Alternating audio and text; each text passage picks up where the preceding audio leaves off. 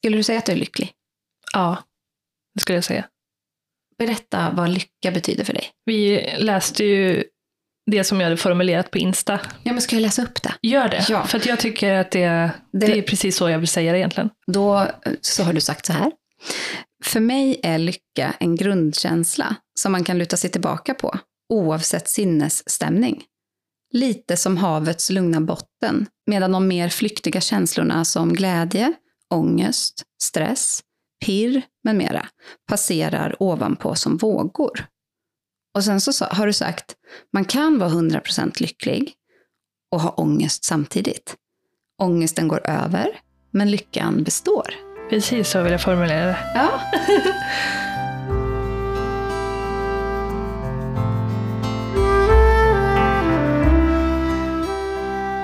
Hej och varmt välkommen hit. Mitt namn är Jessica Hedin och du lyssnar på podden Hela människan där jag tillsammans med gäster utforskar många olika dimensioner av livet. I det här avsnittet möter jag Elin Kero som delar en fantastisk berättelse från sitt liv om både lycka och mörker. Om hur hon tog sig igenom brytpunkten som delade in hennes liv i ett före och ett efter. Elin drabbades av utmattningssyndrom redan som 24-åring. Och här berättar hon om de tuffa åren med psykisk ohälsa och om de insikter och lärdomar som hon gjorde ur det. Elin är fotograf och finns under namnet Nevnarien på sociala medier. Där hon bland annat pysslar, syr, bygger och inreder. I det här samtalet pratar vi om vad lycka är för Elin och om vad det var som gjorde att hon blev sjuk och vilka val och förändringar hon gjorde för att må bra igen. Vi pratar om att jämföra sig på sociala medier, om konsten att njuta i nuet och inte ständigt längta framåt. Och om hur Elin gör för att behålla lust och ork till skapande och kreativitet. Och så det här med att få ångest för att gå utanför boxen. Men att också få ångest om man inte gör det. Elin beskriver varför det är så viktigt att uppdatera webbläsaren inom sig själv ofta. Och så funderar vi på om det finns en rätt väg i livet. Det här och mycket mer får du ta del av i det här samtalet.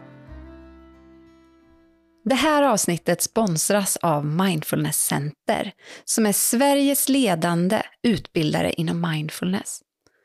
Med min kod Jessica Hedin får du 10% rabatt på alla deras utbildningar och kurser. Och du får 20% rabatt på deras ljudfiler och e-kurser. Och så vill jag berätta att den 19 oktober startar min kurs Andrum online. Det är en grundkurs i mindfulness som jag har skapat i samarbete med Mindfulness Center. Det här är en kurs för dig som vill ha verktyg att ta hand om inre stress, att lära dig hantera jobbiga tankar och känslor och förstå din kropp och dina behov bättre. Du kommer stärka din förmåga till återhämtning i din vardag, bli mer närvarande i ditt liv och öka ditt välmående. Under fem tillfällen ses vi över Zoom. Där får du uppleva mindfulness både teoretiskt och praktiskt. Och I kursen ingår också ljudfiler med meditationer som jag har spelat in, som du kan lyssna på mellan träffarna. Låter det här spännande? Vill du kanske läsa mer eller anmäla dig till kursen? Då gör du det via mindfulnesscenter.se eller via angadalens.se. Du kan också följa länken som finns kopplat till det här avsnittet.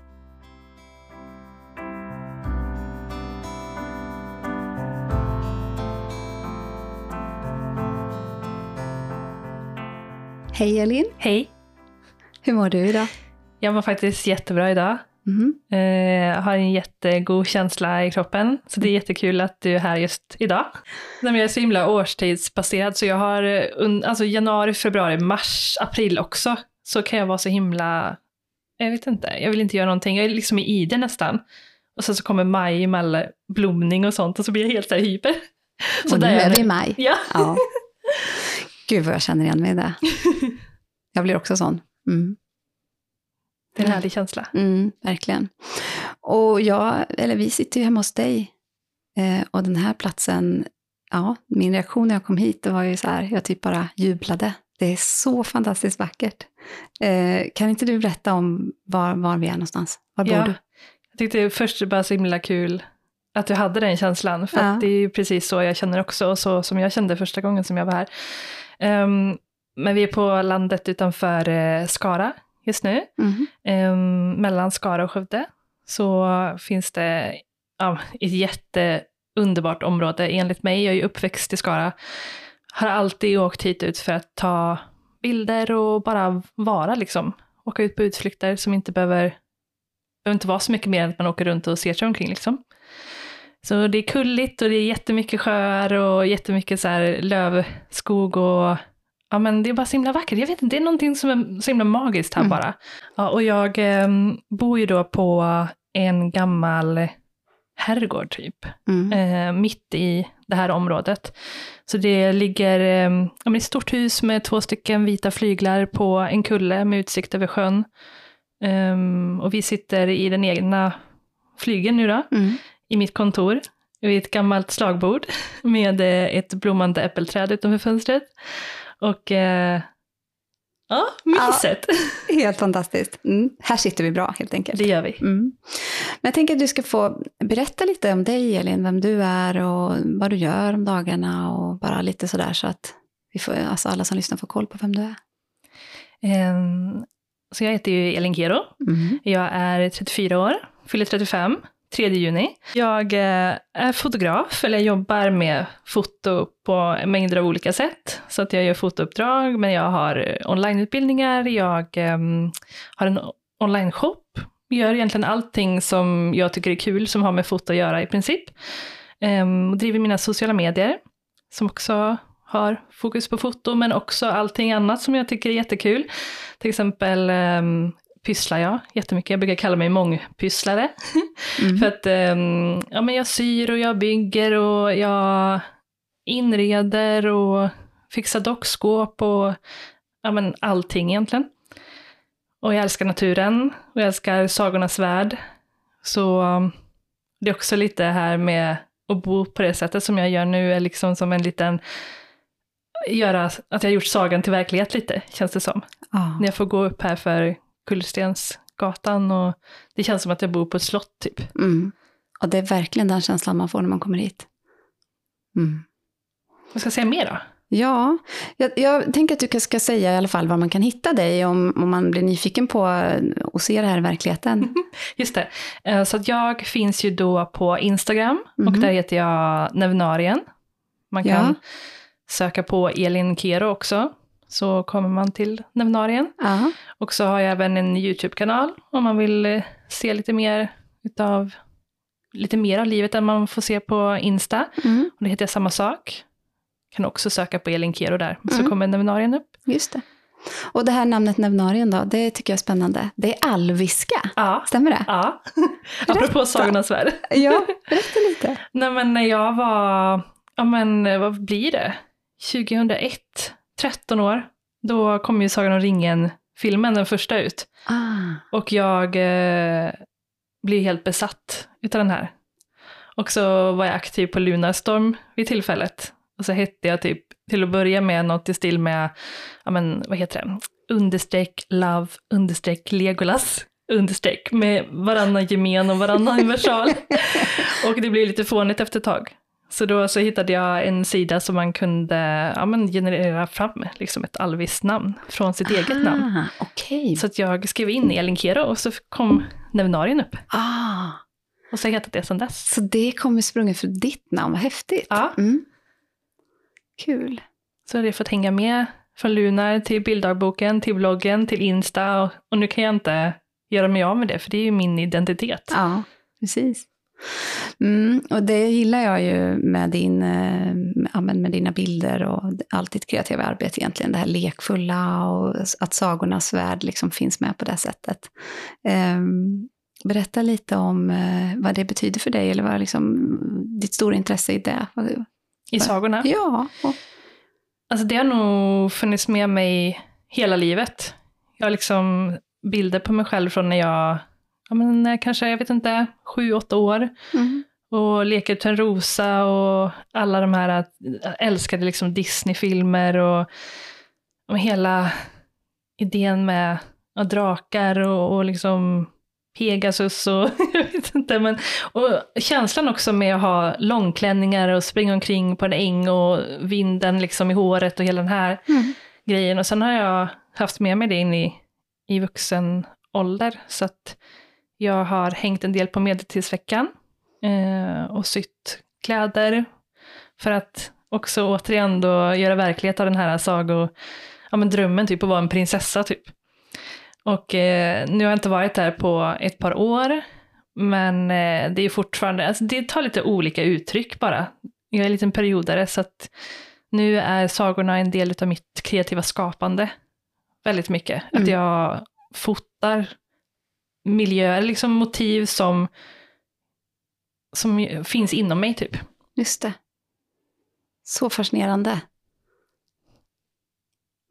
Men jag blir nyfiken på, har du haft någon period när eh, du har tappat det där, när det liksom inte har funnits med dig, eller har det alltid Alltså, anledningen till att jag frågar det är för att jag känner själv att eh, det där finns också i mig, men det är som att eh, det har liksom men gått mig, jag har liksom tappat det på något vis. Och att jag, jag tycker det är svårt att få in den här liksom sagokänslan och lekfullheten i, i mitt eget liv. Um, men har du haft perioder när det har varit svårt att få till det? Jag tänker lite under tiden som du pratar, för att det känns som att det har varit med mig typ hela tiden. Jag har, bara som jag beskrev, att jag har fått olika utlopp bara. Så ett tag så skrev jag fantasy och ville skriva en bok till exempel.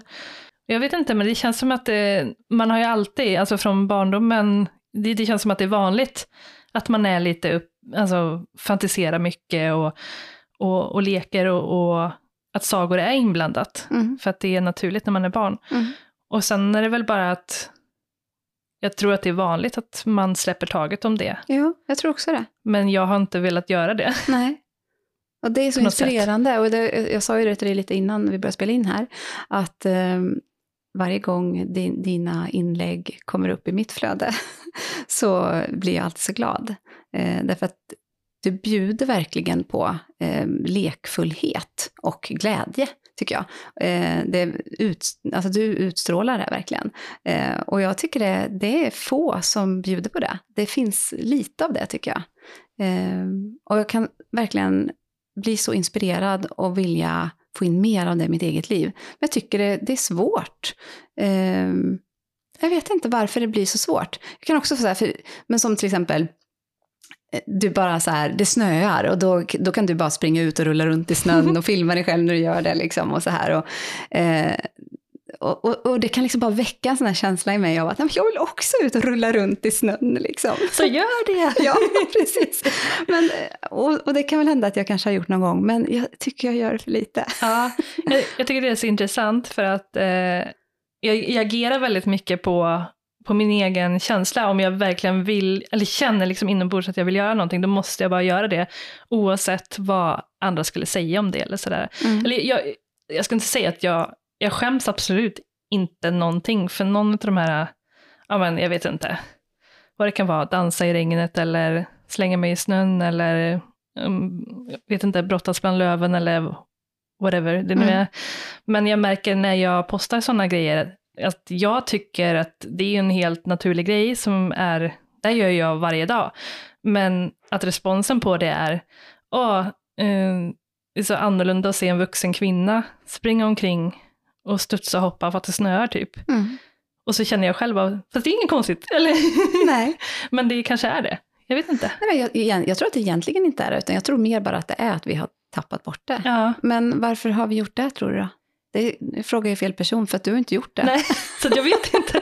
Men det jag kan säga i alla fall, att jag tycker att det är en bidragande faktor till att jag känner mycket lycka i livet. Jag vet att jag tittade på, det var jättemånga år sedan, men jag kollade på någon video av eh, Clara Henry. Eh, och hon, jag vet inte, kommer inte exakt ihåg, men jag har för mig att hon eh, hon hoppade runt en massa och så sa hon att eh, man känner sig mycket gladare om man bara tar lite hopp i studssteg ibland. Ja. Så jag, hon, hon bara säger, jag brukar göra det för att känna mig lite gladare. Mm. Och det är lite samma sak med det här att slänga mig i snön eller ja, men dansa i regnet eller alla de här grejerna. Mm. Att det gör ju att jag känner mig gladare och lyckligare över livet. Mm.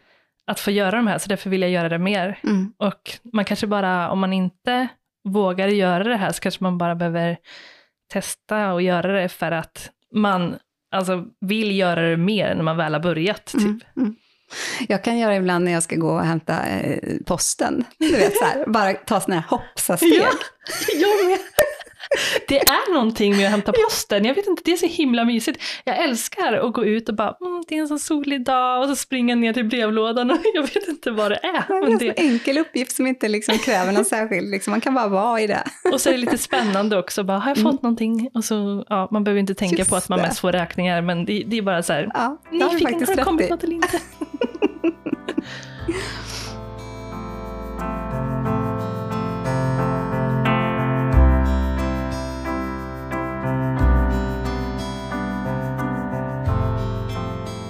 jag har bara två lägen. Och det är helt raklång i soffan mm. eller mitt uppe i ett projekt. Alltså det finns ingen mellanting. Så jag, ja men, jag fotar ju mycket i mitt yrke, men också för att jag tycker att det är underbart härligt att göra det. Så att det, det bästa jag vet är att springa ut hit och bara ta bilder på allting som jag tycker är vackert och som jag... Ja men alltså för jag, när jag är ute så älskar ju bara se mig omkring, liksom bara på vajande grenar eller vad det nu kan vara. Och då blir det också en förlängning typ att dokumentera det. Så att jag mm. kan se det med ögonen och njuta av det, men åh, jag vill spara det också. Och så tar jag bilder. Det. Mm. Och det är inga bilder som jag gör någonting med. Alltså så, klart jag lägger upp det på Insta, men det är inte, jag tar dem ju inte för att det ska vara content, utan för att jag vill liksom spara det på något sätt. Mm, jag tror jag fattar. Mm. Men det jag tycker jag har fått känslan av med dig, att du är också, som du säger, väldigt bra på att bara ligga rak, rak lång på soffan också. Det är jag. Eh, och det är ju inte alla som är heller. Alltså du kan verkligen bara stänga av mm. och bara Men Jag vet att jag måste också, mm. för att annars så ja, men, går jag under typ. Eftersom att ja, men jag vet att jag kan inte hålla på och vara, ha energi och vara aktiv liksom hela tiden. För då kommer jag inte orka. Så jag måste, lika mycket som jag är aktiv måste jag också vila. Eh, och förut så har jag kanske behövt påminna mig själv om det. Medan nu är det lite som en rutin att så här, eh, det är också skönt i och med att jag själv är egenföretagare och jag skulle ju egentligen kunna jobba på hur mycket som helst eller greja oavsett om det är på fritiden också. Men jag skulle ju kunna hålla på dygnets alla timmar egentligen. Men jag har ju en eh, man som har ett vanligt, alltså jobb med normala arbetstider. Så när han kommer hem så är det liksom, ja men nu slutar jag också. Mm. Och då har vi väldigt så här, tydliga kvällsrutiner, att göra mat och ligga i soffan. Och väldigt också på helgen också när vi båda är lediga, att eh, en av dagarna ska bara få vara, slappa mm. på soffan. Och det är så himla skönt, för då orkar man så mycket mer sen när man väl kliver upp. Mm. Så klokt. Jag tycker själv det är jättesvårt med den balansen. Och så, jag är ju också egenföretagare. Och när man, eh, alltså när tar arbetsdagen slut? Ja. Och så finns det alltid något som hänger kvar. Och, um, och det kanske också det ibland som kanske gör att det blir svårt att komma till den där lekfullheten och bara springa ut i snön för att man står där mitt i något eller tänker att man ska, ska bara göra något ja, annat. Ja, och då kanske man inte heller har energi till det. Nej. För att det är, alltså om man hela tiden är busy och gör grejer, hur ska man då orka springa in, ut och liksom göra av med energi på sådana grejer då? Jag vet inte. Men... Nej, men jag tror att det helt klart ligger någonting i det. Jag hade som ett sådant exempel från mitt eget liv för bara några veckor sedan, när jag hade ett eh, helgjobb. Jag jobbade liksom hela lördagen och hela söndagen, alltså fram till typ åtta på kvällen. Och sen när måndagen kom, eh, så du vet, ja, ah, nu ska jag jobba liksom. Och bara så här, nej, alltså det går verkligen inte jag hade massor att göra och jag skulle vara så kreativ och skapa grejer och så här. Men jag kunde inte få någonting ur mig. Så började jag så här, men vad är det för fel på mig? Liksom. Och så började jag titta så i almanackan, så bara, fast du har ju jobbat nu liksom, en hel vecka, så, plus en hel helg. Och nej men alltså jag behöver ju återhämtning. Alltså jag, jag förespråkar ju ändå det här, eller jag jobbar ju med det här. Liksom. Så någonstans tycker man att man skulle kunna sådär. Men det blev bara så här, nej men alltså jag behöver ju vara ledig. Mm. Liksom. Så då blev det verkligen så här att, nej men jag får ta den här dagen nu. Och så, nu, nu är jag ledig. Verkligen så här, säga till mig själv, nu är det en ledig dag, du får göra vad du vill nu. Så det gav verkligen ny energi. Så det, jag tror att det är super, super viktigt och en förutsättning som du säger. Verkligen, och jag känner igen mig jättemycket i det som du säger. Att även fast jag är bra på att ligga i soffan så kan man ju ändå behöva påminna sig själv eh, om att man också behöver ta liksom, fria dagar. Det känns ju som att eh, du är på en eh, väldigt eh, harmonisk plats just nu i, din, i ditt liv. Jag har ju följt dig lite och jag vet ju att du har ju, det har inte alltid varit så här. Tolkar jag dig rätt? Ja,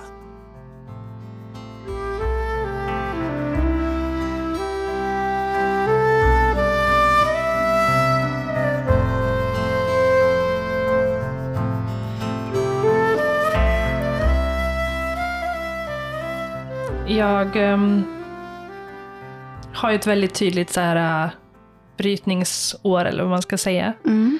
Uh, som känns så här, det var livet innan och så var det livet efter typ. Just och det är väl som många som har varit med om psykisk ohälsa känner på liknande sätt. Att så här, man får typ, ja men som ett uppvaknande typ. När man går igenom en sån grej när man är på liksom verkliga botten och bara måste börja gripa efter ljuset typ. Eh, jag var liksom innan sådär att jag inte överhuvudtaget reflekterade över vad jag ville och vad jag kände och sådana där grejer, utan det var väldigt mycket jag borde och jag ska och jag bör. Alltså den typen av tankar typ. Mm. Och att det påverkade mig väldigt mycket i hur livet kändes då. Var är vi i tiden då ungefär? Mm, det är ungefär som där när jag sa att sagorna kanske var lite borta. Ah, alltså efter studenten fram tills ungefär, det var ju 2012 mm. som jag blev riktigt dålig. Och då okay. var jag 24. Just det. Så kanske fem år där då. Oj, var det fem år? Ja. Men det, det blev ju, jag var inte, liksom, jag mådde inte dåligt alla de här fem åren, men det var liksom som att det var en nedåtgående, Okej. Okay. kanske när jag tänker tillbaka på det så känns det lite som att jag slängde mig ut i vuxenlivet och hade vissa förväntningar och krav på hur det skulle vara. Och sen så insåg jag då, när jag började må dåligt, att det här är inte realistiskt, eller det funkar ju inte. Det är någonting som inte är som det ska. Och att det var, ja men det var väl kanske från 2012 till ja men två år, så 2014 kanske, som det var liksom som mörkast. Mm. Liksom. Och sen... Och då var det utmattningssyndrom, här för mig att du har ja. skrivit om någonstans. Precis. Mm. Du, det var det som drabbad, du drabbades av helt enkelt. Mm. Mm. Det var ju många olika saker. Alltså, det var absolut en del så här, yrkesmässigt, att jag försökte navigera in på det här egenföretagarespåret som jag inte hade någon erfarenhet av, samtidigt som jag hade ett annat jobb. Så det var ju liksom en belastning att jobba med det vanliga och sen ha mitt egna som jag kände ganska mycket prestation kring. Jag hade en blogg då som jag uppdaterade som en galning. Eh, så det var ju också som ett jobb i sig att göra det. Mm. Men också så personliga grejer som min pappa fick cancer eh, något år innan. Och eh, jag var i en relation som jag inte tyckte funkade och vi slet väldigt mycket på varandra. Mm. Mycket sådana där grejer. Alla delar av livet i ja. princip kan man säga. Mm. Och också lite att jag är en introvert person, men agerade som en extrovert. Just det. Och var så socio alltså social och umgicks och flängde runt och gjorde grejer fast jag kanske egentligen inte orkade. Okej. Okay. Så att du hade svårt helt enkelt att ja. få den återhämtningen du behövde? Ja, mm. så det var bara mycket på en gång som ja. gjorde att allt det här ja. bara bröt Men det är ju också, så tänker jag, när man är så ung också, det att bara så lära känna sig själv. Hur återhämtar jag? Mm. Var du medveten om det då egentligen? Nej, Eller var, nej det var, absolut inte. Nej. Jag trodde ju att jag bara kunde köra på som att det inte fanns någon morgondag. Mm. Så bara, vad konstigt att kroppen tar slut. ja, ja, hård, tuff lärdom. Ja. Liksom. Mm. Och så tycker jag också att det finns så himla mycket förväntningar på ungdomen som jag kan störa mig lite på. Mm. Att eh, ja, men hela typ fixeringen i samhället kring ungdomen och att man också känner när man är ung själv att man ska hinna med så mycket. Ja, men jag känner väldigt så här, tydlig känsla att jag ska hinna göra det och det och det innan jag fyller 25. Vilket är bara, ja, vad ska du göra efter? Ja. Om du ska ja, men gifta dig och, och ha det bästa jobbet och tjäna de mesta pengarna och liksom, jag vet inte, bo på det bästa stället innan du är 25, bara, mm, kanske inte realistiskt. Och jag, jag läser ju det hos andra också, alltså jag gillar att, ja men ner på sociala medier, och liksom läser kommentarsfält, jag vet inte. Att det är så här, vågar jag börja plugga, jag är ju ändå 32. Liksom. Ja. Ja men det är ingen ålder. Nej. Eller så här, att det är mycket fokus på att man ska hinna göra allting Mm. just 2030 typ. Mm. Och att det, den orealistiska bilden gjorde att det blev lite kaos för mig. Mm. Så vad hände med dig då? Jag fick ju den här utmattningsdepressionen då Mm. och det yttrade sig på många olika sätt. Det var liksom innan alla började prata om psykisk ohälsa i sociala medier så att jag visste ju inte Just det. Jag tänkte ju bara, ja, jag håller på att bli galen, jag kommer hamna på psyk, alltså den känslan. Ja. För jag hade inte läst någonting om det. Sen så vet jag att jag eh, såg något avsnitt på Nyhetsmorgon, där det var två influencers, tror jag, som var med Mm. och berättade om att de hade gått in i väggen. Och jag kände bara, shit, vad jag känner igen mig i det här. Mhm. Det är inget fel på mig, liksom. Det var bara den första känslan att de här normala personerna har också känt så. Mm. Så det var jätteskönt. Men jag hade ändå... Det var väldigt mycket så skam och skuld typ för att jag eh, tappade förmå mycket förmågor som jag alltså, skämdes över. Till exempel att jag liksom inte klarade av att ha ordning hemma, eh, gå och handla, hämta min post, öppna mina räkningar, betala mina räkningar, eh, hålla igång mitt företag med allt liksom, pappersarbete som det krävs. Eh, mycket ångest över att jag inte, att jag typ försummade mina kompisar och inte ville umgås, inte orkade umgås.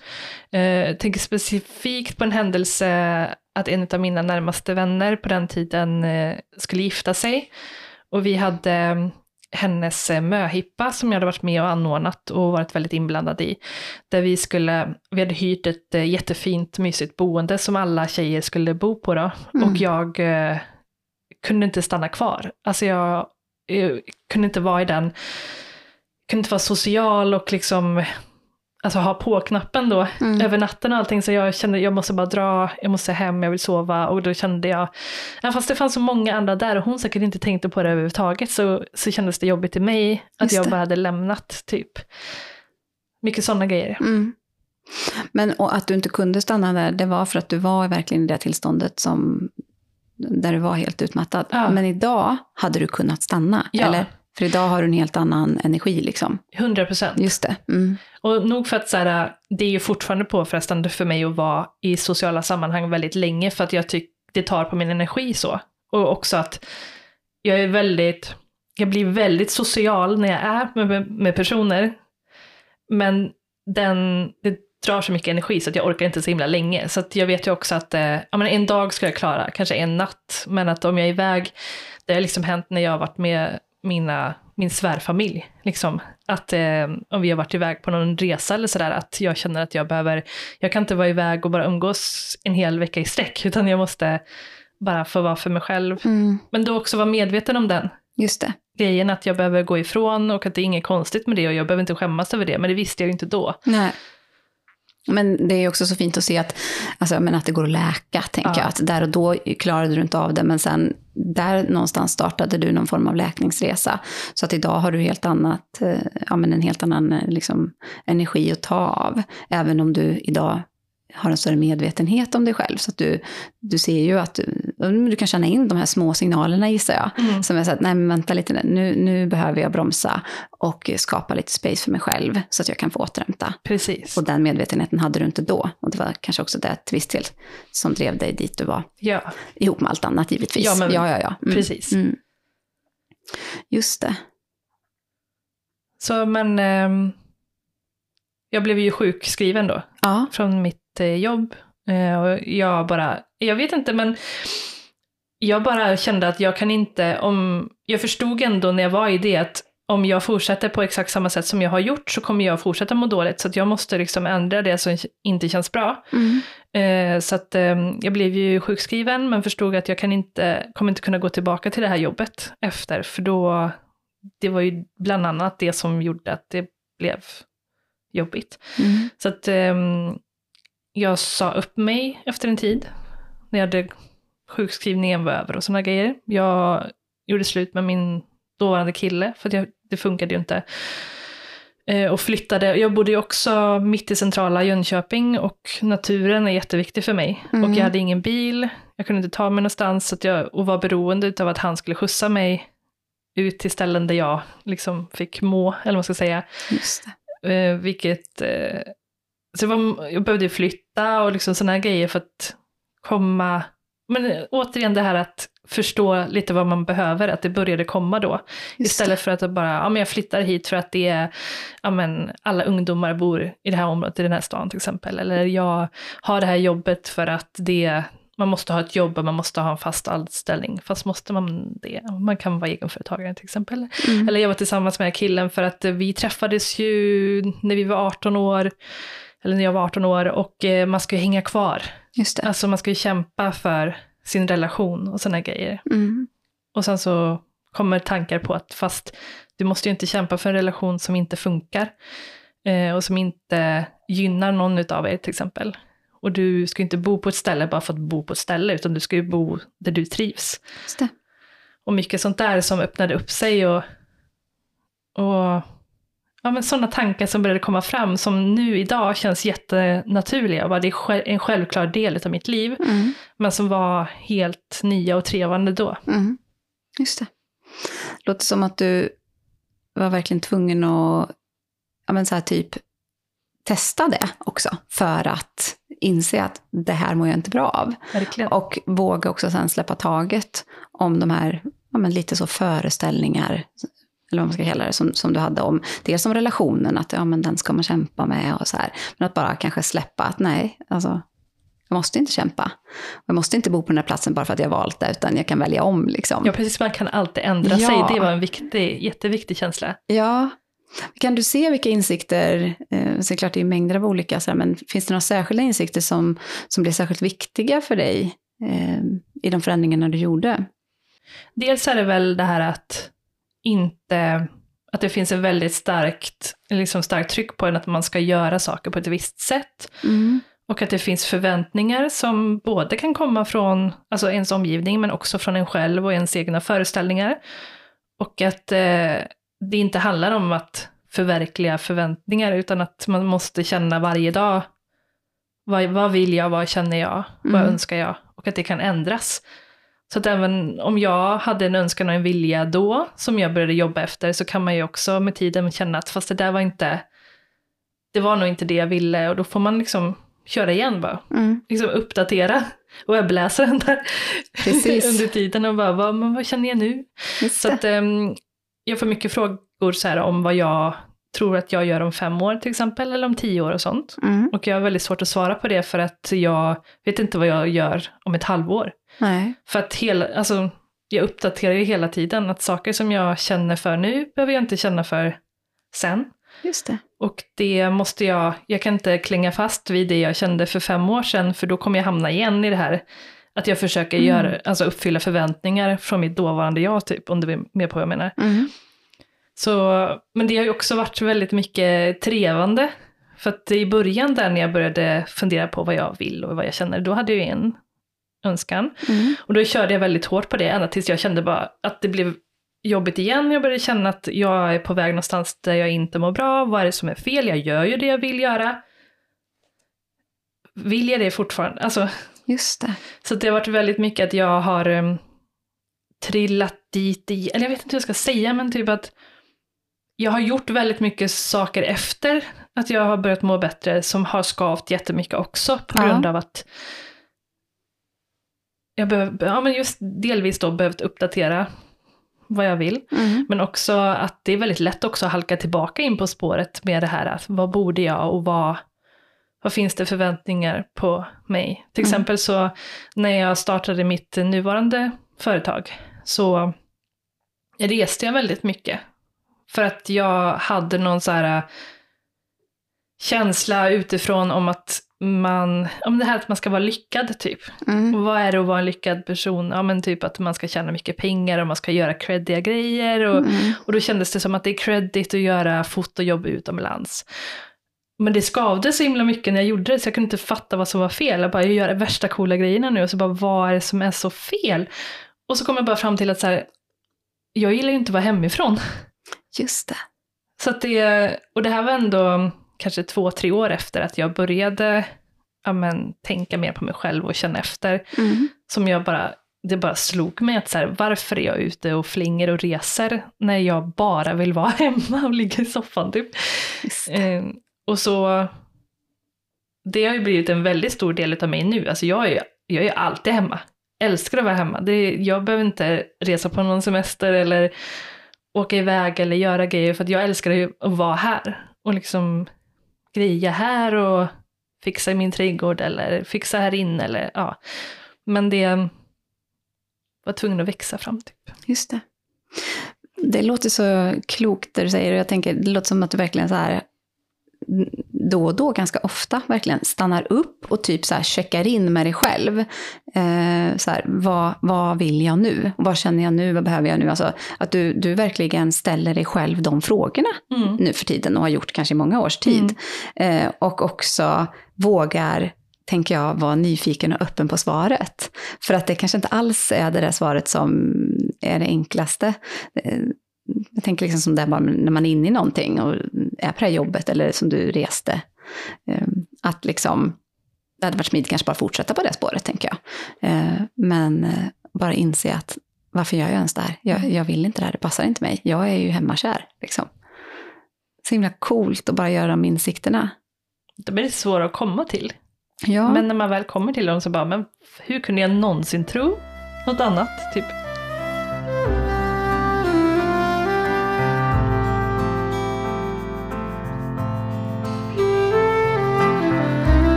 Just också som jag, typ, apropå insikter också som du sa. Alltså vilken, jag har en till insikt som var, eller det som skavde mycket innan var att jag kände att jag levde väldigt mycket för framtiden. Och det är väl också klassiskt.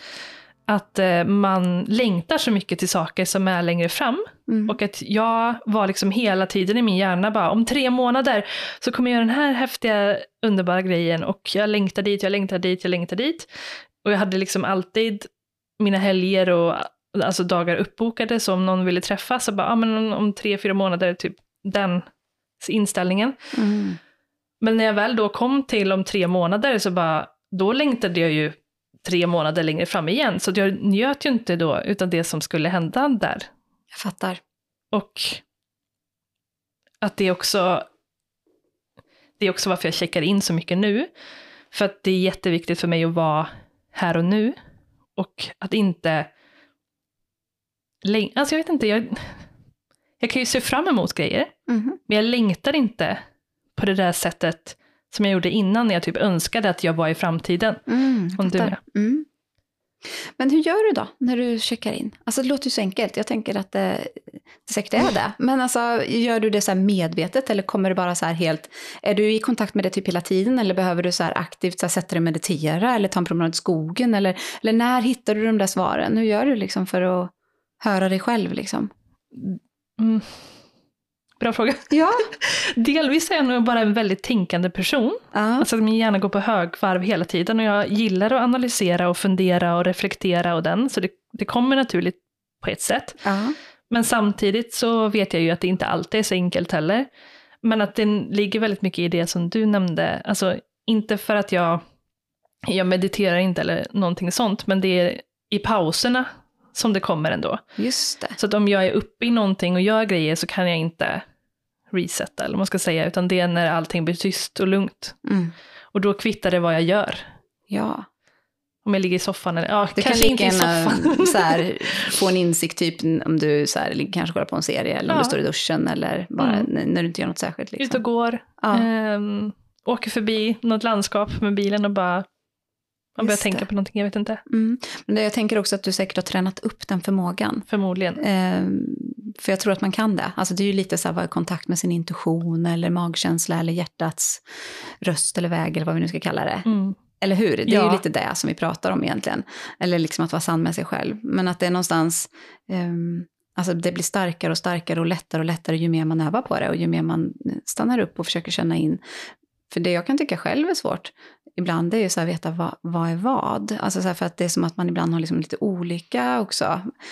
Jag brukar ju beskriva typ som att man har som olika delar av sig själv eller olika sidor i sig själv. Man Mm. kan ju ha en väldigt så här, eh, man kanske kan ha en del som till och med tycker om att resa. Och en, en, en del i mig är också väldigt hemmakär. Och att då kan det också vara så här svårt att veta Gud, ja. vad som ska få tillfredsställas. Liksom. Förstår du när det blir så här lite mot... ja, motsägelsefullt. ja, inom en så liksom. Ja.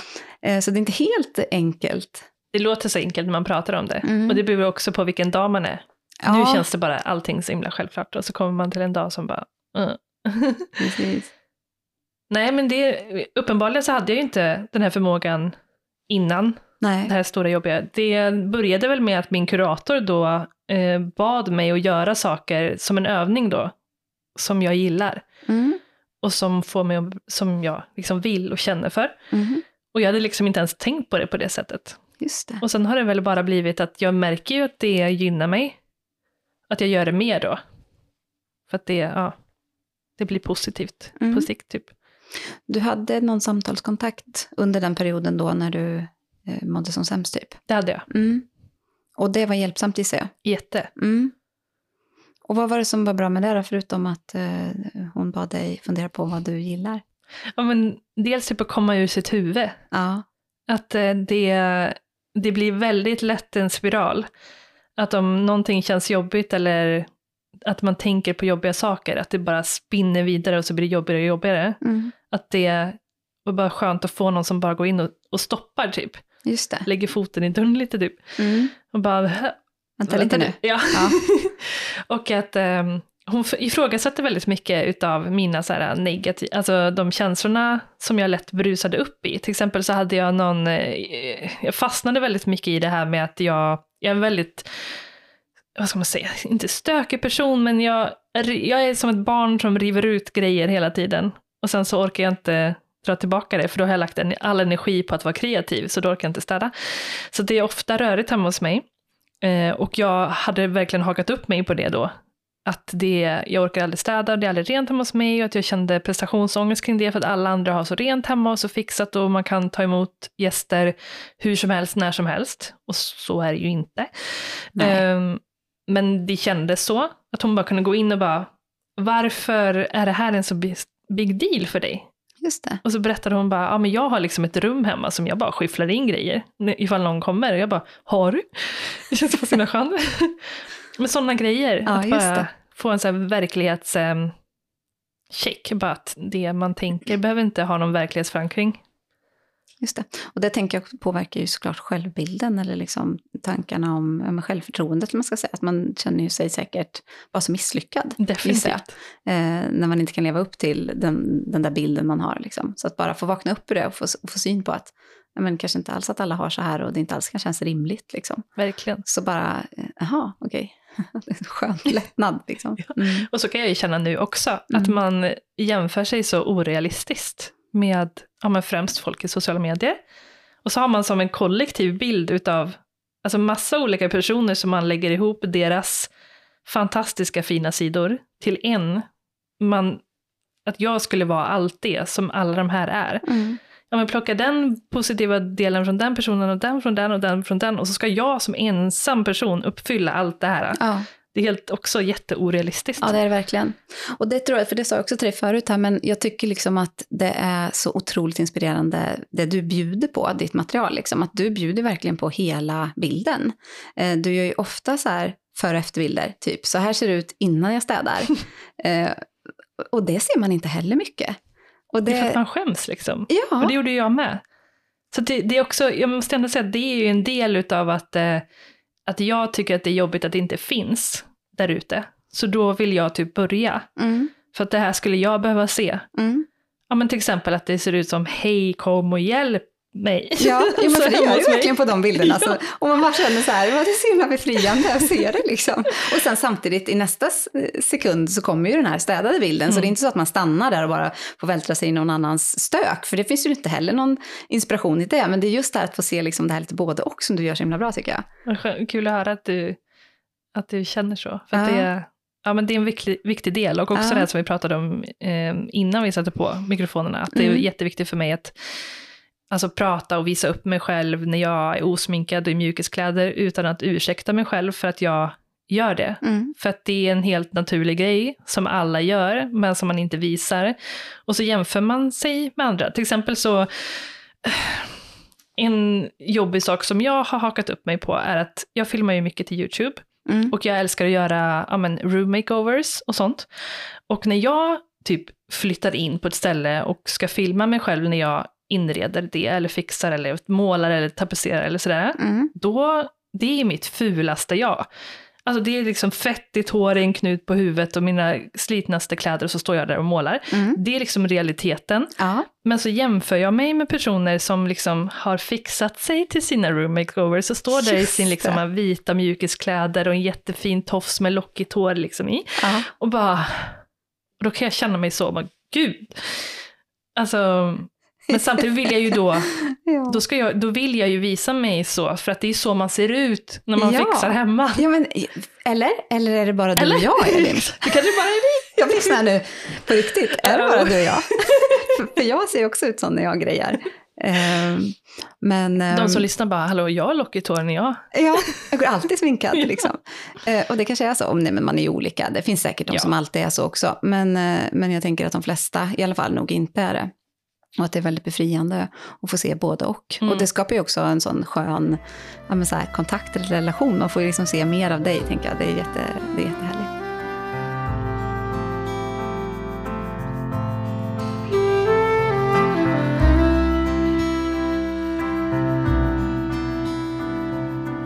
För jag tänker att många känner igen sig i, i det där att man... Eh, ja, men alltså den här ständiga kampen mellan kanske vad hjärtat säger och vad man vill, men till vad man behöver leva upp till. Eh, jag tycker i alla fall att jag möter det på alla möjliga olika sätt, både privat men också i mitt yrkesliv. Liksom och så här. Att det är, en, det är en evig brottningsmatch med Mm. det. Eh, och att det är svårt att veta vad är vad, eh, vilka grejer kan jag faktiskt bara så här ge upp, släppa taget om och vilka eh, behöver jag, eh, alltså så här, men de här, eh, vad säger man, reglerna som vi har. Livet kan inte bara vara bra. Nej. Eh, man kan inte alltid få som man vill. Och, ja, men du vet så här att, att man någonstans ja, men måste också finnas i en viss, liksom, ja men du vet, måsten. Det är också en del av livet, liksom Mm. sådär. Och att det är svårt att veta eh, vilket är vilket. Och vad kan jag skala av? Vad kan jag ta bort? Och hur ska jag hitta det jag mår bra av? Och få den där balansen och alltihopa det här. Ja, för det, nu säger du någonting som jag verkligen har varit en väldigt stor del. Mm, berätta. Alltså den här, äh, en stor grej som har varit jobbig hela tiden och som fortfarande kan vara det, att jag har lite svårt att, att deala med det här, men att eh, man har liksom en förväntan på att eh, man ska komma till en plats av perfektion typ, Mm, i allting. Alltså typ till exempel om man vill träna, mm, då är liksom målet att man ska vara på det perfekta läget när man tränar mm, jättebra. mm. Liksom så och så många gånger i veckan, bla bla. Men det viktigaste är ju att man, har, man kan ha det som mål, men att det viktigaste är att man tränar överhuvudtaget. Eller så. Precis. Och det är lite samma sak också med välmåendet, eller liksom lyckan typ, eller vad man ska säga.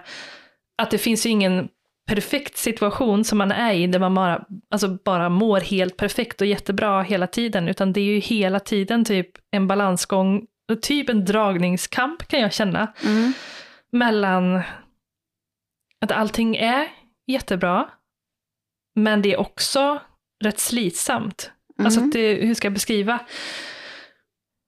En del som jag brottas mycket med i mitt yrkesliv, det är att eh, jag kan inte, att jag typ måste utanför boxen hela tiden och det är så fruktansvärt obekvämt mm. och jobbigt och läskigt och eh, ångest och allting.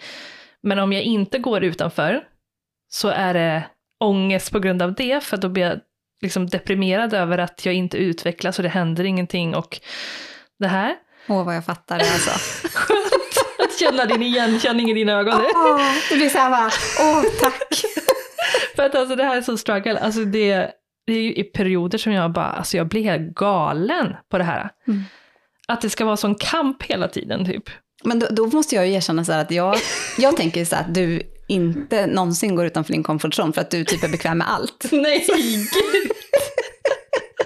Det finns så mycket skit som jag utsätter mig för. Alltså, och så, oh, till exempel så kan jag ju berätta nu att jag har precis släppt en eh, onlinekurs som, eh, alltså det är ett gäng som har köpt den här kursen, så vi har en, en liten som utbildningsomgång nu. Mm. Och innan man ska göra det här så måste man ha en lansering. Och det är typ det värsta jag vet i livet. För att jag eh, är så dålig på att sälja. Jag tycker ah, det är så ah, jobbigt att vara så påtryckande om någonting. Även fast jag tycker att min produkt är bra, mm. så är det mm. ändå jobbigt att vara tjatig och liksom jag vet inte, trycka det i folks ansikten, jag vet inte. Mm. Och också att jag har eh, en bakgrund där jag har mycket scenskräck och också viss social fobi. Mm. Eh, så att jag, när det är väldigt, speciellt när det är stora folkmassor, så, och jag måste stå på scen samtidigt, att jag, alltså, jag mår skit. Mm. och det är också digitalt, så att när, för, alltså en grej i hela den här processen med att sälja onlineutbildningar är att man ska hålla webinars, där man ska ja, men dels lära ut, men också informa, informera då om den här kursen man ska sälja. Och för mig är det ju som att stå på en scen, alltså IRL, fast jag gör det digitalt också, att det är livesänt och allting, alla ögon är på mig och jag får inte säga fel och jag måste vara på topp och den här sociala fobin samtidigt, att jag liksom visualiserar ju framför mig att det sitter då 300 pers och kollar på mig och följer varenda liten liksom, rörelse jag gör och jag får ju panik typ. Um, så det är ju, jag vet att jag måste göra det för att kunna sälja kurser, jag måste ta mm. mig förbi det för att kunna göra det som jag älskar att göra och det är att utbilda andra inom foto och så. Just det. Um, så jag har till exempel eh, jag började med onlinekurser 2019, släppte en då 2019, 2020 och sen har det dröjt då tre år tills jag har kört, kört den här stora igen och det är egentligen av samma anledning då. Att jag känner det är så motigt att gå in i en lansering. Mm. Så att jag har varit rädd att gå dit igen. Så det blir ett motstånd och håller dig lite tillbaka ja. då? Så det gör att det drar på det lite? Ja. Mm. Och det finns många sådana sammanhang. Alltså det är så mycket som jag ja, men tycker är svårt och jobbigt som jag måste utsätta mig för. Inte bara för att jag behöver sälja grejer, utan också för att jag kanske behöver lära mig grejer. Eller alltså, jag menar att utsätta sig för svårigheter är ju att lära sig saker. Mm. Det är ju så man får mm. Nya lärdomar och insikter och liksom utvecklas och så. Mm. Så att eh, jag, gick och pratade med mamma vid något tillfälle där vi gjorde oss lite lustiga över det här och bara att det är så, att man aldrig kan komma ifrån den känslan av att det är jobbigt. För som sagt, som jag sa innan, går du inte emot och gör saker som du tycker är jobbigt, då kommer det vara jobbigt för att du inte utvecklas. Mm. Men om du inte, eller alltså om du stiger över och går in i din utanför din comfort zone så yeah. kommer du må skit av det också. Så att, ja. Jag fattar. Och då det här i mig att det vi har pratat om lite tidigare här, att, att pressa sig själv och att utmana sig själv och sådär. Och det är det jag tänker kan bli så svårt ibland, att när är det jag ska göra det? Mm. Och när ska jag inte göra det? Alltså hur vet du att nej men det här motståndet behöver jag forcera. Det här motståndet måste jag ta mig igenom. Jag måste ställa mig i det här liksom. Och bara genomlida det liksom. Och, och hur vet du att det är dags att, nej men det här är fel väg.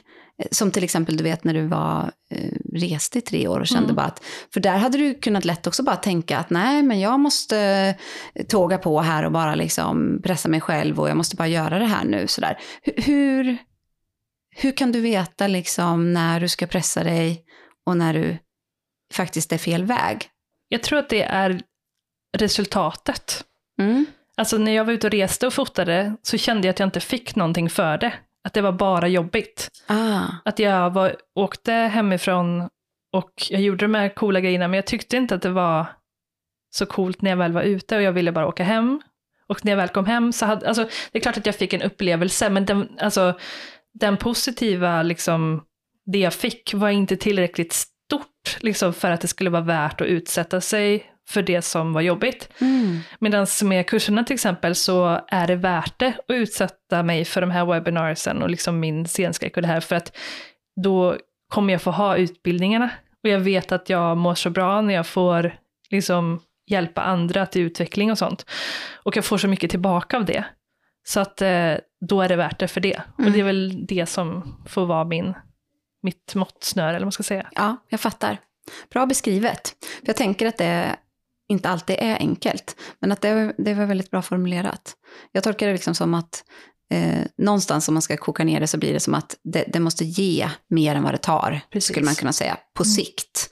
Eh, för jag tänker också att någonting kan kosta väldigt mycket precis i stunden, man kan vara helt slut kanske tre dagar efter det där webbinariet. Liksom. Ja. Men det kommer ge dig energi sen, liksom, kanske för flera månader eller liksom så här, så att du känner att det, alltså att det verkligen uppfyller mm. dig för att du får göra det som du brinner för och verkligen är din... Precis, och att man måste våga utsätta sig för det då, för att det dröjer ju ett tag innan man märker då. Mm. Om det var positivt eller negativt. Just det, så återigen stanna upp och reflektera, mm. checka in och se.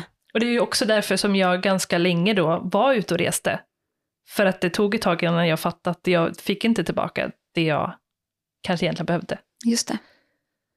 Så man kommer nog alltid göra en massa saker, i alla fall om man ska utsätta sig själv så kommer man ju behöva göra en massa saker som inte var lönt det. Eller liksom att man behöver ångra sig eller mm. det där var inte min grej. Mm. Man måste göra det ganska mycket innan man faktiskt inser att det där var inte min grej. Och att det är inget fel med det. Nej, utan det är en del av, av liksom resan så att ja, säga. Och ibland är det kul på vägens gång ja, också. Mm. Ja, det är, alltså för det är det också, det är aldrig svartvitt. Nej. Ja, det är aldrig 100% jättedåligt. Det var jättehärligt att vara ute också. Alltså, få uppleva ställen och liksom de personerna jag, jobb, alltså personerna jag var med och sådär. Mm. Så att det är ju inte, det låter ju som att åh, jag gjorde bara, det var bara jobbigt, men det är inte hela sanningen. Nej, det var bara att det liksom vägde inte upp tillräckligt. Nej. Så. Det fyllde inte på dig med den energin i takt med att det liksom faktiskt kostade energin. Precis. Mm. Jag förstår. Men det där, apropå det, alltså det svartvita, det tycker jag också är svårt. Att man har typ en bild av att det är rätt eller fel väg. Ah. Eller att någonting är bra, eller alltså dåligt för en själv eller sådär. Men att det är ju aldrig 100% ena eller 100% andra, utan det kan vara lite både och. Det gillar jag verkligen. Och det tycker jag är viktigt, eh, som du säger, att vilken är rätt väg? Eh, att vi stirrar oss blind på det när vi ska göra val. Och så får man så ångest, typ. Bara, Tänk ja. om jag väljer fel, fast det ja. gör man ju aldrig. Ja, jag vet. Alltså, så... Och jag kan, jag kan eh, liksom känna mig lite så här, um, ja men typ, bara som med den här podden nu. Jag har ju liksom tänkt så, men är det rätt väg? Liksom. Och så bara, men varför tänker jag så? det spelar ju ingen roll, för att det, eh, det är ju det är liksom inte det som är grejen. Nej. Och ändå är man där ja. och gör en tankevurpan om och om igen. Och så får man någonstans påminna sig. Mm. Det tror jag att jag aldrig kommer komma ifrån. Alltså det är så inprogrammerat i min hjärna. Att så här, är det rätt eller fel? Och också att jag är ganska så här, oroa, alltså en person som oroar mig mycket. Okay. Att jag går lätt in i dem tankarna typ. Att är det rätt eller fel? Och gör jag, alltså, kommer det här bli bra? Kommer det bli dåligt? Alltså, så. Mm. Fast jag vet, alltså jag vet ju innerst inne mm. att det inte är så det funkar. Men ändå så går jag dit varje gång. Mm. och typ, så kommer du på dig själv. Ja. Mm. men typ varje flytt jag har gjort så vet, alltså så här, alltså bara till att flytta hit nu när vi har pratat om hur fint och underbart det är här och mm. jag älskar att vara här nu. men det var ju inte en självklar grej när jag, vi skulle bestämma oss för att flytta hit, även fast det var alltså, wow att få det här äh, erbjudandet om att hyra det här, så var det också mycket, åh, men tänk om det finns något annat och tänk om det inte är rätt och tänk om inte vi kommer trivas med att det är andra personer som bor här också. Och, eh, rätt eller fel, rätt eller fel. Mm, mm. Och så vet man inte kanske fullt ut förrän man faktiskt provar. Precis. Mm. Var det rätt då? Det var rätt. Apropå rätt och fel. ja. ja, och det är just det här också, det är så dumt då, för om man har då tre alternativ att köra på så kan ju alla vara rätt. Precis. Så att, ja men det är faktiskt så. Så, så man har ju ganska hög mm. chans då att ta rätt beslut. Det kan inte bli så. fel Nej. kan man säga. det, det kan, man kan bara få en insikt om att ah, men det här passade inte. Ja, men då kan vi vända om och gå tillbaka eller välja något annat istället. Mm. Och det har man gjort många gånger. Ja, Precis, och jag tänker också att vissa saker kan ju vara liksom rätt, om vi nu ska säga så, eh, bara en väldigt kort period. För precis. att det är någonting man behöver precis just då, för att man behöver göra, liksom, lära sig någonting eller man behöver komma till någon insikt. Eller... Apropå det här med att uppdatera sig hela tiden. Ja, men precis, om mm. det behövs liksom. Eh, så. Mm. Det är bra, bra tänkt där, tänker jag. Ja, och var befinner du dig nu då? Mm. Är du nu då på den där platsen som du drömde om? Ja, mm. alltså. Jag känner inte att jag vill ha någonting annorlunda just nu. Och så och, återigen det här typ att vill jag ha någonting annorlunda så finns den möjligheten typ. Mm. Men att jag, alltså alla tankar av vad jag önskar, vad vill jag, vad känner jag, har ju lett mig till det här ögonblicket nu. Så just nu är jag, känner jag att jag är i fullständig alltså harmoni över den biten. Mm. Sen kommer det ju alltid finnas saker som, som man, man är orolig över eller prestationsångest och sådana grejer. Men mm. om man tänker på det stora hela så älskar jag som, hur livet är nu. Mm. Och vad är det som är skillnaden? Går det att koka ner det till det? Alltså, på vilket sätt, eh, vad är de stora skillnaderna nu i ditt liv jämfört med hur det var då, när du mådde som sämst? Den största skillnaden är ju att det är jag som har bestämt att jag ska vara här. Mm. Från mitt inre. Just det. Det är inte något, någon utomstående som har påverkat mig. Eller liksom samhällsbilden eller någonting sånt där. Och också det här att leva i nuet. Alltså så kliché, men alltså det har gjort så otroligt stor skillnad att bara sluta längta efter saker längre fram och bara uppskatta det man har nu. Mm. Och um, en stor grej i sociala medier kring mig, eller som jag vet att många, liksom, ska man säga, ja men Elin jag tänker alltid på dig när jag ser att det snöar till exempel. För att det är sådana saker som jag hjälper mig att vara i nuet. Mm. Typ att bara, jag vet inte vilket sammanhang det var, men jag tror att jag hörde, läste någonstans, att för att verkligen, ja men det har väl lite med så här, ska man säga, ja, men närvaro att göra. Så att man, för att vara i nuet, att man bara ska sitta och använda alla sina sinnen. Typ att så här, om jag sitter i det här rummet nu, bara, vad ser jag för någonting till exempel? Vad hör jag för någonting? Hur luktar det? Mm. Alla sådana här grejer. Mm. Och att det är lite det som jag vill få in i min vardag. Mm. Jag vet inte hur jag ska beskriva det, men det är en väldigt stor grej för mig att bara, ja men typ om det är mycket jobbet, att bara gå ut genom dörren och bara vara här och nu och bara mm. lyssna på fåglarna, känna vinden, titta på naturen, alltså alla de här grejerna. Alltså det är så, om man ska fråga mig så här, vad lycka är för mig, så mm. är det ju of course, alltså saker som typ relationer och sånt. Mm. Men det är också det här äh, små ögonblicken i vardagen och bara få stanna upp och njuta av dem. Mm. Det går liksom inte att beskriva med ord hur mycket det gör för mig. Jag älskar att du säger det. det är så här, du kanske vet att det kallas mindfulness. Brukar aldrig uttrycka det som det. Men... Nej, och det behövs ju inte heller. För att det är liksom, eh, man behöver inte ens sätta ett ord på det, så, utan att det är ju liksom ja, det bara, det bara är så. Men eh, det, det, jag är så med dig i det. Eh, och det är det jag själv också använder mig av dagligen, sinnena. Mm. Eh, och eh, det är klart att eh, meditation är fantastisk, fantastiskt och allt annat vi kan göra.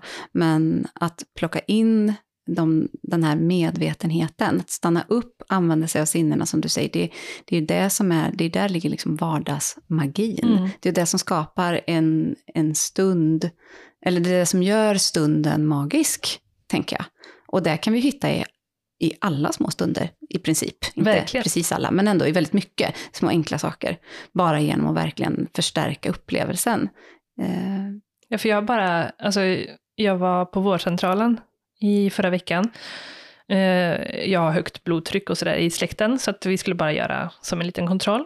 Och då så måste man så här, sitta ner en stund stilla innan de kan ta trycket på en, för annars så blir det inte rätt siffror. just det. Och jag är jättedålig på att inte göra någonting. så det är också ett bra, och jag, för jag kan inte meditera och sånt för att jag, jag vet inte, jag, min hjärna är bara, jag kan inte, det är inte min grej. Men, så det kändes som att det var bra, ett bra sätt att använda det här också. Mm. Alltså sinnena igen, att Mm. bara så här, höra klockan ticka i rummet och höra hur det dunsar i, i liksom rummen intill och se på alla hur, vad som finns där inne och den här liksom sterila doften och sånt där och helt plötsligt så hade fem minuter gått. Mm. Det är meditation. Jag kan inte meditera! Det är en form av meditation. Det är mindfulness-meditation. Men det är mycket så, alltså det, det finns många olika delar inom mindfulness också, men det är ett sätt att meditera. Just att man faktiskt använder eh, uppmärksam, alltså att man styr sin uppmärksamhet i meditationen mot olika, till exempel ljud eller vad jag ser eller alltså så. Så det, är, det kan man göra med öppna ögon eller med stängda ögon. Man kan göra det när man går eller när man står Mm. eller så, men, men man kallar det för meditation. Så så sätt, då Så jag kan kanske du faktiskt. mediterar då? Ja, det gjorde du nog där och då. Jag kan Mm. tycka att det blir så himla cool känsla när man gör det. Alltså det känns, ja, för mig känns det typ som att eh, eh, närvaron typ trycks ut. Jag vet inte hur jag ska beskriva det, men det känns liksom som att allting blir så himla ja, men fokuserat uppenbarligen, men det känns liksom som att eh, från att ha gått i sin li- lilla värld typ och bara lever på i sin vardag och bara Mm. kör på efter klockan, bla bla bla, nu ska jag göra det här, nu ska jag, till att man bara så känns det som att allt bara spänns ut och så. Det är nästan som att det blir lite vakuum, Mm. lite som att tiden går långsammare typ. Mm. Jag tycker bara det är en häftig känsla. Mm, jag fattar vad du menar. Och den är så, det är så svårt att eh, Beskriva. beskriva det, men jag tror att alla känner igen det, för att alla, alla upplever det då och då. Liksom. Eh, men vi kan ju bara uppleva det eh, olika mycket, tänker jag. Och genom att vi tränar oss och använder oss av de här, ja, men det här att stanna upp och använda sinnena så, så kan vi ju få det mycket mer i livet. För det är väldigt härliga stunder. Mm. Kul att jag fick en ny insikt då, att jag kan meditera. Ja. ja, men det behöver inte vara så mycket krångligare än så. Och jag tycker det är härligt att det kommer så här spontant, för att eh, ibland kan det kännas så här som att man gör det till en stor grej också, det här med meditation, och det låter så flummigt, och, liksom så här, och det finns ju många, jättemånga olika varianter. Och just där Så också att man ställer lite krav på att klockan nio ska jag göra det här och så och så länge. Ja, Och det ska, det ska ge det här resultatet typ. Istället för att man bara tar lite här och där. ja, Så länge som man känner för stunden att man klarar av det. ja. Jag är helt med dig där. Det kanske är det som är mitt problem. Att jag försöker göra det som något yogapass typ. Ja, så kan det vara. Och för en del är det, kanske det passar jättebra, och då får det vara så, tänker jag. Men det passar verkligen inte alla. Inte mig heller. men, eh, men jag försöker ibland ändå att pressa in mig i det där och tänka att jag ska ha en, en fast rutin en viss tid. Sådär. Men, eh, men, och, det, och, och jag har det ibland, men, mm, så. men det kan vara olika perioder, det beror också lite på hur livet ser ut såklart. Ja men så är det ju. Mm. Det är mycket sånt där som man försöker med också, apropå att man ska göra saker som passar en och hur det känns. Men man försöker ju ändå, det kommer ju hela tiden grejer utifrån som gör att man ändå, ja men som det där med rutiner då, att eh, man ändå försöker passa in i den här mallen av hur det allmänt är. Och sen så märker man att det inte funkar. Till exempel att jag har jättesvårt för att få in alltså någon rutin med typ när jag ska äta och när jag ska ta pauser och sådana där, när jag, när jag ska ta promenader och allt sånt. Och så blir jag arg då, för Mm. att jag inte gör det efter den rutinen som jag bestämt. Ja, just det. För att alla andra kan ju göra det efter rutinen typ. Och så måste jag påminna mig själv om att Elin, du funkar inte så. en vecka kanske kan funka hur bra som helst och sen så bara pff, är det borta. Och det gör ingenting. Nej. Men det måste påminna mig hela tiden. Ja. Mm. Jag känner igen mig i det också. Är det det här kreativa? Ja, antagligen. Jag vet inte. Eller så, så är de flesta, jag tror att de flesta känner igen sig i det också. Att det är nog lite så vi funkar, de flesta av oss. Liksom. Då är, det ganska, då är det ännu sjukare att det finns en typ av mall som man ska köra efter. Ja. Som typ ingen. Som är orealistisk för så många. Ja. Konstigt egentligen. Mm. Men jag tänker att vi ska hi- hinna med en sak till. Vi ska prata om eh, lycka. Just det. Det har vi inte gjort. Nej. Eh, men skulle du säga att du är lycklig? Ja, det skulle jag säga.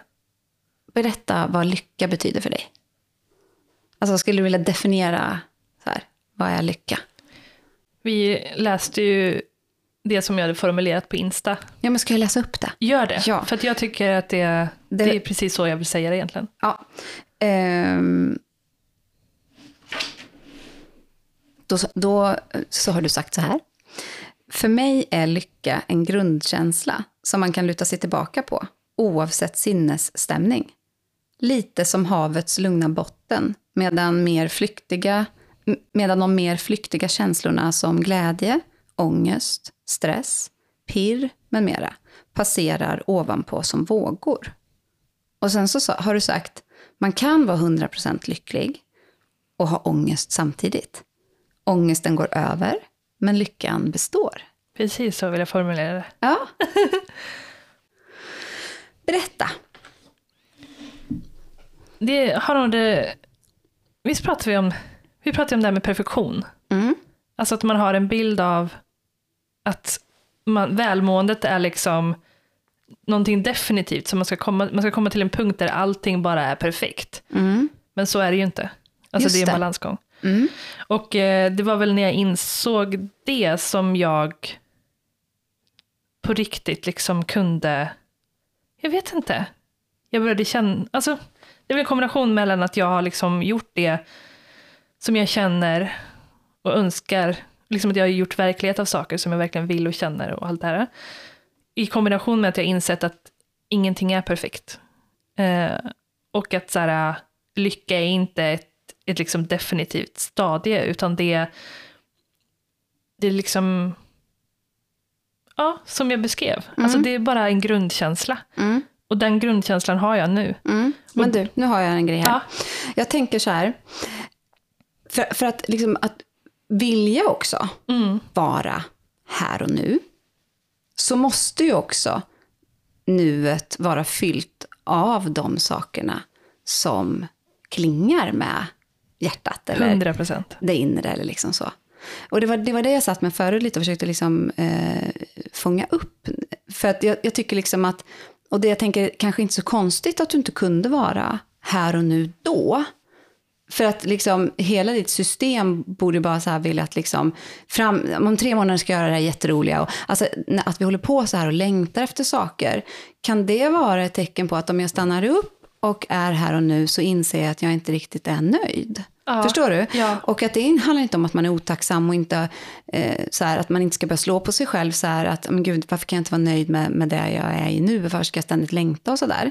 Utan att kanske se liksom att, eh, som, som i ditt fall då, ja men jag eh, bodde på fel plats, jag levde i en relation jag inte trivdes med, jag hade ett jobb som faktiskt inte riktigt fullt ut klingade med den jag var.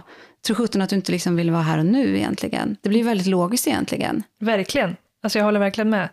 Det bara så här blev tydligt För jag ville ju att... eh, bara fly då från ja, det som inte kändes bra. Och det var ju i princip allting. Eller så. Ja, och då blir det ju att man längtar. Och så. Sen så kan man ju ändå längta. Det är ju inte så att det är fel Ja. att längta. Så att man, jag vill ändå bara vara tydlig med det. Att det är inte så att jag... Eh, det kan vara en krydda i livet. Liksom. Man kan ju bara längta till ikväll när vi ska laga en god Ja, middag. Så, så här, gud, ja. Eller till... till Men också typ att det blir också mer att det kan vara en, också en känsla av att se fram emot. ja, men precis. Det måste inte vara att jag vill hellre vara där. Utan Nej. jag ser bara jättemycket fram emot, till exempel när vi gifte oss i somras, så såg jag jättemycket fram emot det. Men det var inte som att jag ville spola förbi tiden fram tills dess, eller så. Precis så. Där satte du ord på det. Det är exakt det jag menar. Mm. Precis. För det är ju, jag menar, det är ju en bra känsla. Ja, den längtan eller att se fram emot någonting, det är någonting helt annat. För det betyder där... ju att man också, också är glad över det som komma skall. Och liksom, jag vet inte, det är också en del av Alltså jag tycker också det är en del av det positiva i livet. Mm, mm. Jag tycker det är spännande du säger, för att jag har känt också ibland, för det finns också lite så här att man, ibland så här om jag kanske har lagt ut något inlägg så där, man skriver liksom, bara, tänk snart är vi här, och att, att det kan ibland vara lite så där att eh, det, det kan trigga lite också, att ja men, Alltså, vi får inte tänka för mycket framåt, utan vi ska bara vara här och nu och så. Eh, och det, det, kan också bli fel åt andra hållet, att man måste också få tillåta sig att ha en förväntan eller se fram emot någonting och kunna få känna ett pirr, titta på bilder som handlar om liksom det som, ja, men, vad man tittar på sommaren till exempel. Men det behöver, inte, det behöver inte betyda att jag inte kan vara här och nu och njuta av nuet heller. Men det skulle kunna vara så också, precis som du sa, att det är ett sätt att fly. Eller liksom att man längtar så mycket där så att man bara skulle vilja spola framtiden, men medan det är någonting helt annat. Precis. Det är lite som det här med, om vi pratar om årstiden och det här, att det kan snöa i maj och man kan vara glad över det, mm. även fast man ser fram emot att det ska bli sommar. Mm. Att så här, jag har sett jättemycket fram emot den här tiden nu när allting blommar, men det är, alltså, det gör ju ingenting att det snöar innan för det. Eller så här, ja. Precis. För kan man vara bara i nuet, så det betyder ju inte att liksom maj är förstörd, utan Nej. det är bara att liksom, oj, just nu snöar det. och det är som det är liksom. Ja. Då kan man ju lika gärna omfamna det Precis. och springa ut och leka lite i det. det finns alltid någonting kul man kan hitta på. Jag menar det. Mm. Fint. Mm. Okej, okay, så och då kan man säga, om jag tolkar det rätt nu då, nu, nu jag provar att göra en fri tolkning här, så, så är lycka för dig den här grundkänslan som du idag har skapat i ditt liv genom att du lever ett liv som klingar med eh, men det som är sant och viktigt för dig. Alltså, och då handlar det om dels det du gör på dagen, att du liksom jobbar på ett sätt som passar dig. Men det handlar också om att leva i en relation som du trivs med och bo på en plats eh, ja, som du älskar. Mm. Och det liksom tillsammans, det blir den här grundkänslan. Och sen är det som att känslorna kan ju svaja från dag till dag. Ska du ha ett webbinar så har du förmodligen lite lätt ångest eller kanske till och med mycket ångest. Precis. Men det har ingenting med lycka att göra Nej. för dig. Det är någonting helt annat. Verkligen. Och sen kan du ha såna här glädjetoppar där du blir så supersprallig och jätteglad och entusiastisk. Men det är inte heller lycka för dig, utan du pratar om en mer som en grundkänsla när du pratar om lycka. Mm. Det är typ mm. som trygghet, typ. Just det. Mm. Tycker jag. Eller mm. det, lycka för mig känns liksom, det är en trygg känsla. Jag vet mm. inte. Jag fattar vad du menar. Och, och, för mig, det betyder så för mig också. Eh, men ibland använder man ju ordet lycka mer som de här lyckokickarna. Att mm. man tänker sig liksom att det är ett dopaminpåslag och att eh, det, det, bara är snabba kickar av lycka som vi får.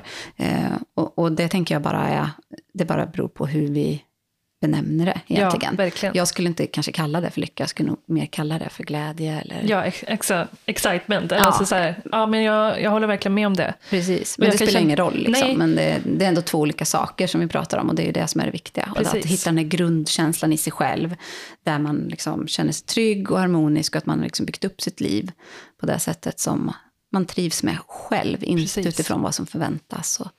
För det är också det där med de, om man då förknippar det med de här uh, mer flyktiga känslorna, så för att man ska kunna ha starka toppar så måste man ju också ha djupa dalar. Mm. Alltså, jag brukar ibland se på mig och min man, till exempel, att han är en väldigt, eh, vad ska man säga, typ balanserad person, mm. som inte har skithöga toppar, men inte mm. skitdjupa dalar heller, utan det är lite mer jämnt mm. tempo där. Mm. Medan jag är den som är bara oh, rakt upp, skithögt liksom. Mm. Och sen rakt ner, alltså, att det kan svaja så otroligt mycket. Mm.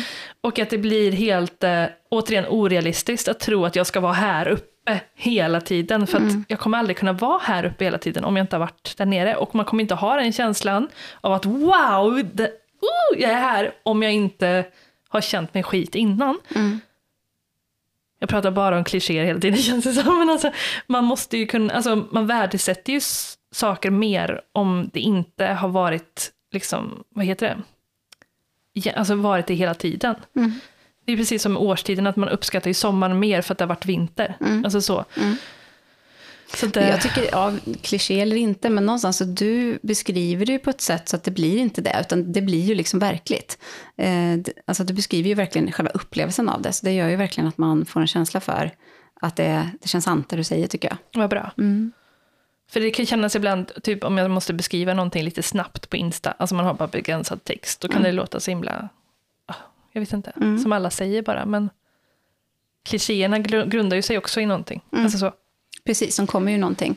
Men när vi bara kanske läser en mening eller någonting sånt så kanske den inte förankrar sig riktigt så, eller når hela vägen in på det sättet. Nej, precis. Än när man liksom får beskriva det lite runt om och sätta det i ett sammanhang. Liksom. Mm. Det blir någonting annat. Mm. Fint. Finns det något mer om lycka som du tycker att du vill lägga till? Hmm.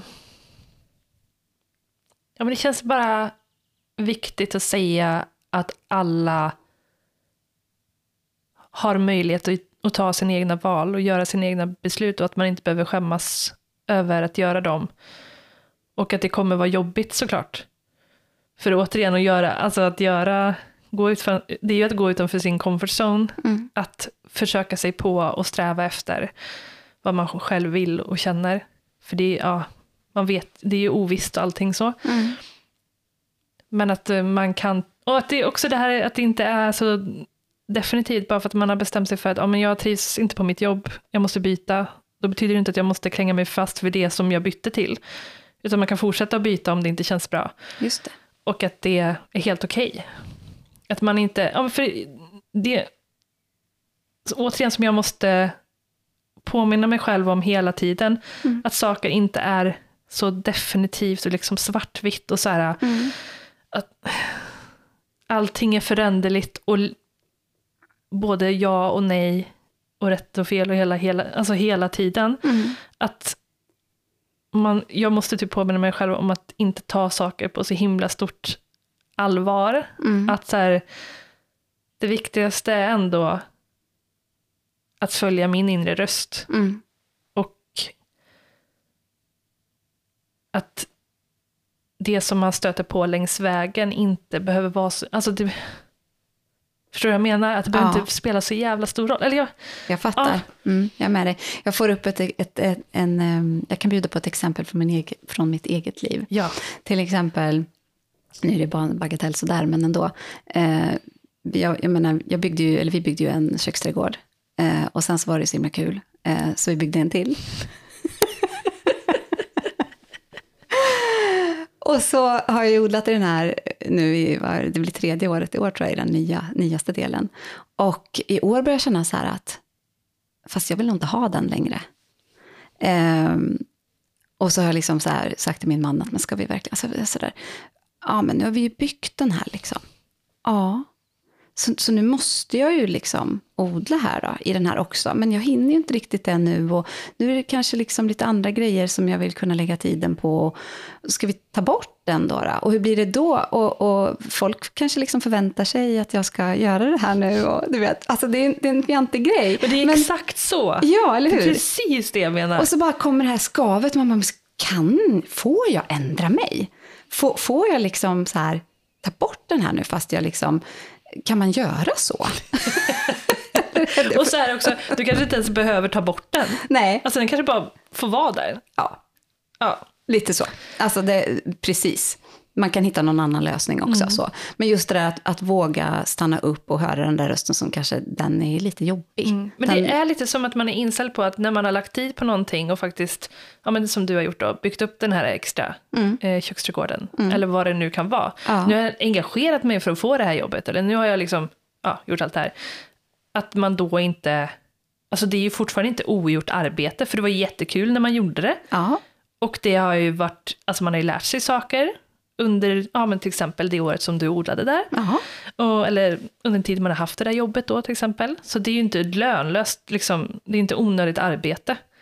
verkligen inte. Så Så, så det egentligen är det ju väldigt enkelt och ändå känns det svårt. Och så finns det också någon sån här känsla av att man ska vara tacksam också. Så här, att man nu liksom har fått den här grejen man har velat ha och nu är det liksom... Så kan man inte bara liksom... Mm. så tack för påminnelsen. Jag kanske kan eh, tillåta mig och eh, strunta i den där köksträdgården. Jag tycker det. Om det inte känns som, som att du vill göra det just nu, så gör inte det. Nej, eller hur? Ut och lek istället. Precis. Mm. Gör en massa andra roliga saker. Ja. Mm. Mm. Finns det någonting mer som du tycker att eh, vi har glömt att få med? I, något som du tycker känns viktigt? Det är som en svår med? fråga. Ja. Det känns som att vi har fått ut väldigt mycket. Mm. Det är inte något du sitter med på tungan nu här som vill sägas. Jag tror att det viktigaste var det jag hade fått säga, att man inte ska bara, alltså, settle down för någonting som Nej. inte känns hundra. Precis. Det är väl min slutkläm. Mm. Det var fint tycker jag. Mm. Bra. Och det är någonting som jag tänker att du verkligen har provat själv. Alltså du har ju verkligen gått den vägen. Så du vet ju vad du pratar om. Mm. Och du vet också hur svårt det är. Mm. Eh, Det är inte, det är inte lätt. Men det är alltid svårast i början. Ja, precis. Så för sen märker man ju att det var inte så farligt. Nej. Och, och så får man ju belöningen och effekterna på vägen och då stärks man av det. Och så tar man små steg i taget i, Precis. i rätt riktning, Ja. som inte fanns. Ja, det är så svårt att definiera det där. Tack så mycket Elin Tack själv. för ett jättefint samtal. Ja, jag har fått så mycket, alltså så mycket reflektion kring det här också. Ja, att bara sitta och prata. Mm, detsamma. Så himla viktigt. Ja, eh, det finns massa saker jag tar med mig också som Mm. jag tänker spinna vidare på lite. Det är så bra att prata med andra om sådana här grejer. Och inte bara fastna i, fast det är bra att tänka själv också såklart, Ja. men det blir en helt annan grej Ja, när man luftar det med andra. mm.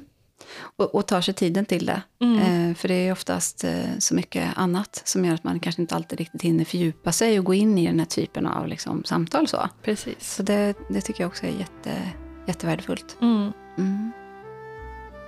Så tack så mycket. Tack själv.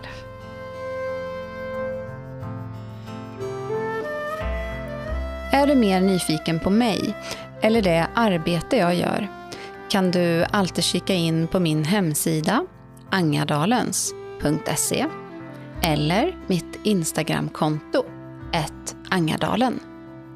Du kan också mejla mig på jessica.angadalens.se. Tack för att du lyssnade.